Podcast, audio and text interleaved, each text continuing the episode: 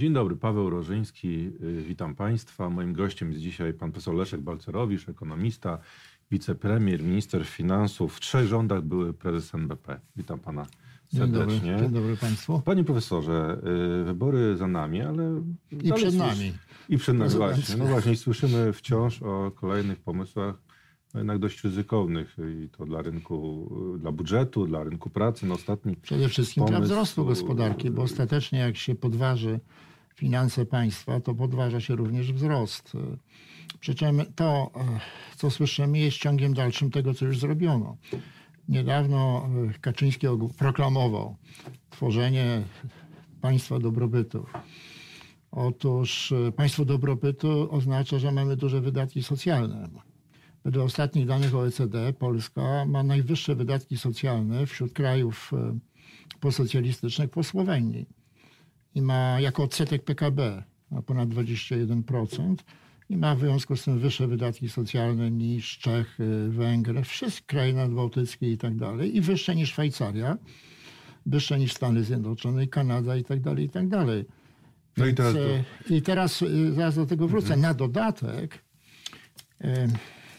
jeżeli interpretować y, to hasło Kaczyńskiego w świetle tego, co PiS robił, no to zmierzamy do sytuacji, w której będzie więcej emerytów dzięki, wskutek wcześniejszego przechodzenia na emeryturę, a mniej ludzi pracujących. Co to musi oznaczać? No musi to oznaczać kolejne większe obciążenia ludzi pracujących, tych, co będą jeszcze pracować, y, podatkami, czyli zniechęcanie do wzrostu gospodarczego przy jednocześnie niskich emeryturach.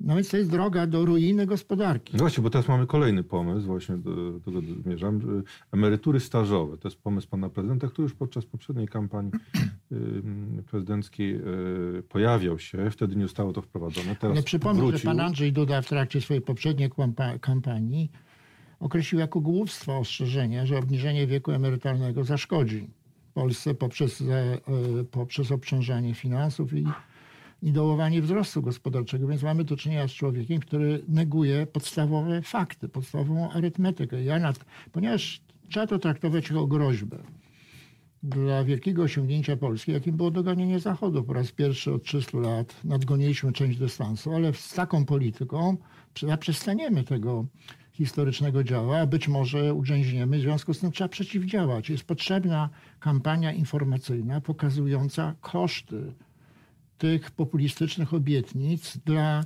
ludzi pracujących, których będzie mniej, to znaczy większe obciążenia podatkowe, wolniejszy wzrost.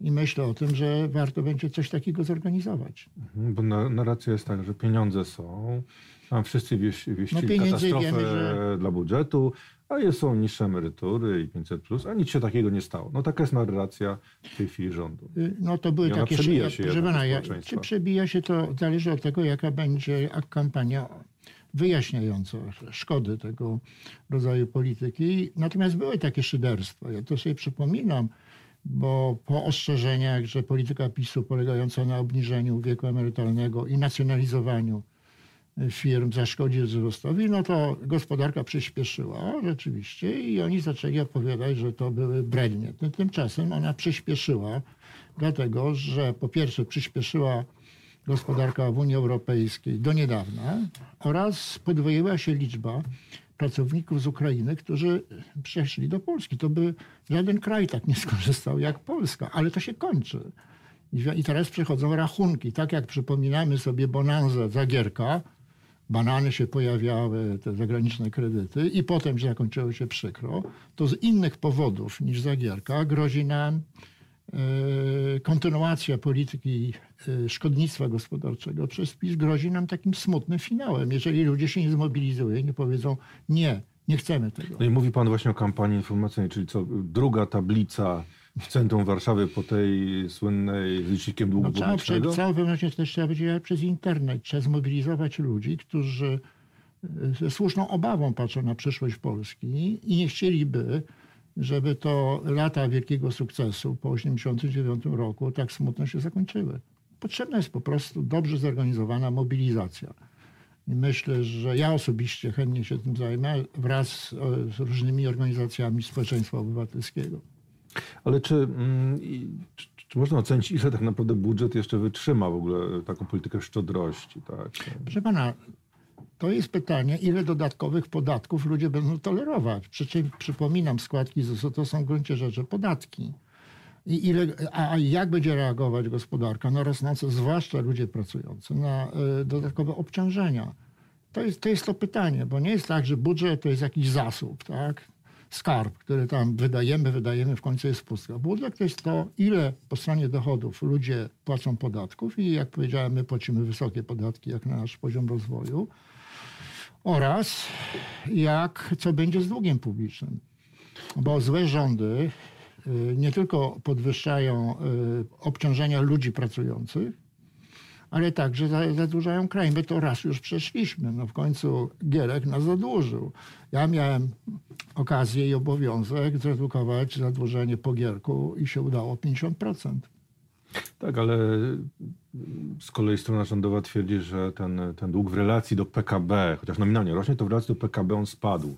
Rzeczywiście spadł. Proszę pana, ale to jest taka niekompletna informacja, która w swojej wymowie jest brednią, dlatego że my nie patrzymy tylko na relację długu do PKB, która jest powiedzmy ciągle jeszcze niższa niż Niemcy, ale my patrzymy, ile my płacimy za dodatkowe zaciągane długi. Wtedy się okazuje, że choć Niemcy mają jeszcze trochę wyższy dług publiczny do PKB, to oni płacą w granicach zero, a my płacimy 2%. To jest kolosalna różnica, więc przypominam, nigdy... Więcej niż Czesi płacimy.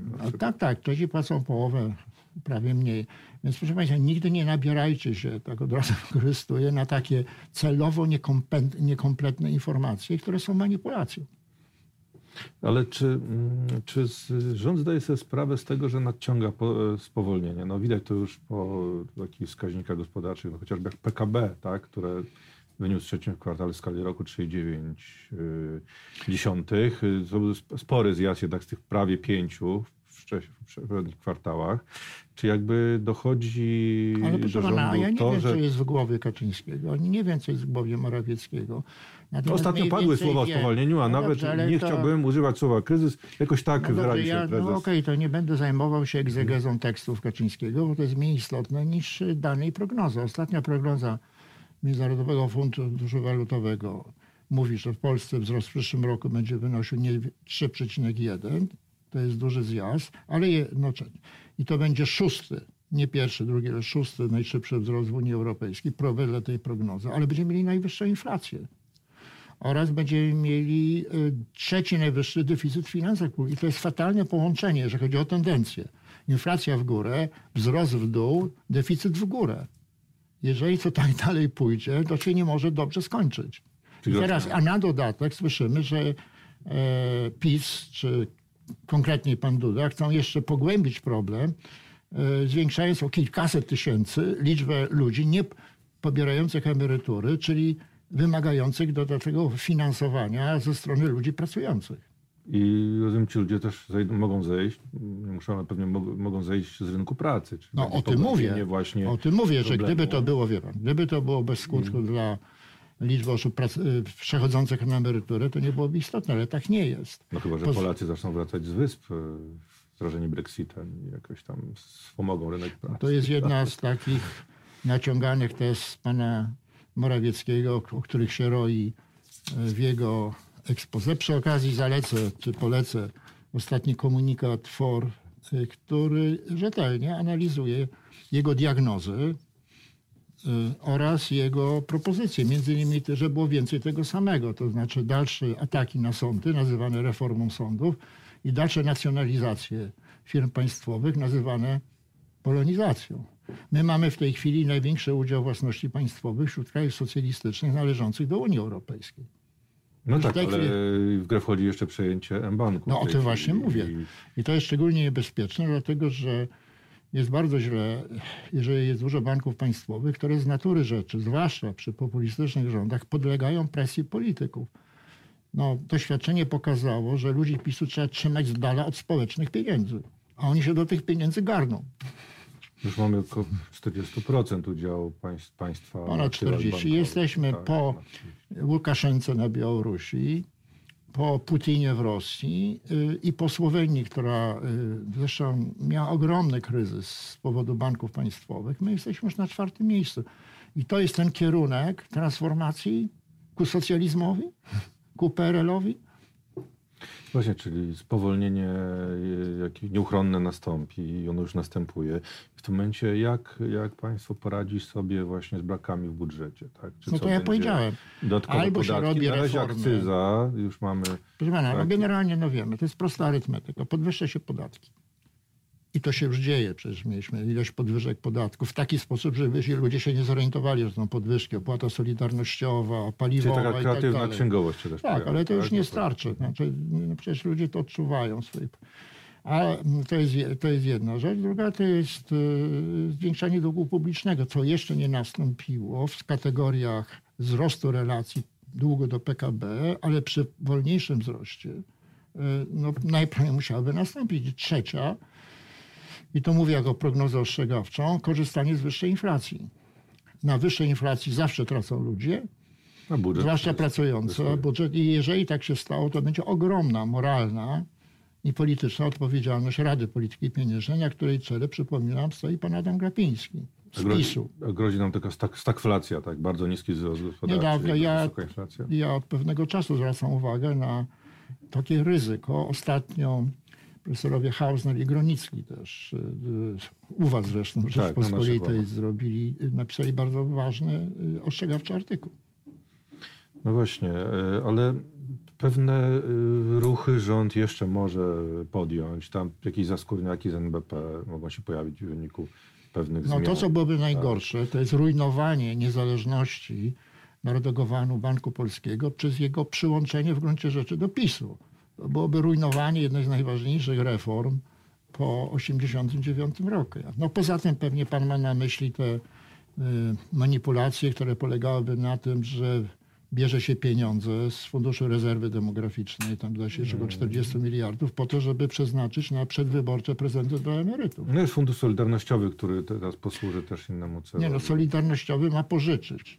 Solidarnościowy ma służyć innym celom niż e, fundowanie pisowskich prezentów przed wyborami i on ma pożyczyć z funduszu chyba rezerwy demograficznej. To jest podwójna manipulacja. Ale nie, kil, kilka lat e, w zasadzie, nie wiem ile, jaka jest diagnoza tutaj pana profesora, ma rząd PiSu w związku z tym, że na razie ten e, powiedzmy tą, ta wielkość długu do, do PKB jest jeszcze na jakimś takim poziomie w miarę bezpiecznym jak to się szybko może zmienić. Tak ale zanim, jaka, tu jest, pan, jaka tu jest poduszka. Mówimy, naprawdę. momencik, my mówimy o jakimś skrajnym scenariuszu, ale zamiast czy nastąpi spotkanie Stanów, nastąpią inne, grzęźnięcie. To jest jeszcze bodaj to bardzo niebezpieczne. Grzęźnięcie, coraz gorsze wskaźniki finansowe. Jeżeli chodzi o finanse publiczne, to też jest wielkie pytanie, czy reguła wydatkowa, jedna z najważniejszych rzeczy, jakie zrobi rząd PO, ograniczająca właśnie populistyczne wydatkowanie przed wyborami zostanie w gruncie rzeczy ominięta lub naruszona. I gdyby tak się stało, to był kolejny sygnał alarmowy, że jaskrawego populizmu odnotowany najprawdopodobniej przez obserwatorów z rynków finansowych, którzy na takie sygnały są wrażliwi. No poprzedni rząd troszkę też miał za uszami, no bo chociażby ten fundusz drogowy, no były takie próby Yy, pewnych yy, Wie pan, sztuczek księgowych. Ale tak? zgoda, tylko że trzeba odróżniać, jak mówimy na przykład o chorobach biologicznych, katar od gruźlicy. Przedtem mieliśmy do czynienia z katarem przechodzącym w grypę, jeżeli chodzi o skok na ofę. Teraz mamy gruźlicę. No właśnie, a w, jakie pan widzi w tej chwili takie największe zagrożenia, które mogą uderzyć i w budżet oczywiście, i w gospodarkę w ogóle Polski. Czy nie da się przewidzieć tego, co od czasu do czasu następuje, a mianowicie kryzysu finansowego w świecie? Tego to jest w zasadzie nieprzewidywalne, ale też nie można wykluczyć. I teraz, gdyby coś takiego nastąpiło, ja tego nie prognozuję, ale gdyby, no to Polska jest bezbronna. Dlaczego? Prawie wszystkie rezerwy zjedzone albo w trakcie przejadania przez PiS dla celów przedwyborczych. Yy, nie mamy, ma, sytuacja w finansach publicznych po okresie, kiedy go, tej triumfalistycznej propagandy się pogarsza. A jeżeli przychodzi, przyjdzie spowolnienie gospodarcze, to to jeszcze bardziej wyjdzie na jaw. Ale ja nie zakładam, że coś takiego musi być, ale też nie mogę wykluczyć. Natomiast to, co jest praktycznie pewne przy kontynuacji pisowskiej polityki, wydatkowania pieniędzy w celach przedwyborczych, zwiększania wydatków, które niczym, niczym nie przyczyniają się przecież do inwestycji czy rozwoju, tylko ograniczają, to jest spowolnienie i Polsce grozi przy kontynuacji tej polityki, że przestaniemy doganiać Zachód. Właśnie. Co się dzieje z inwestycjami? To jest dla mnie największa zagadka. To nie jest zagadka. Inwestycje prywatne no, miały być wysokie, są niskie.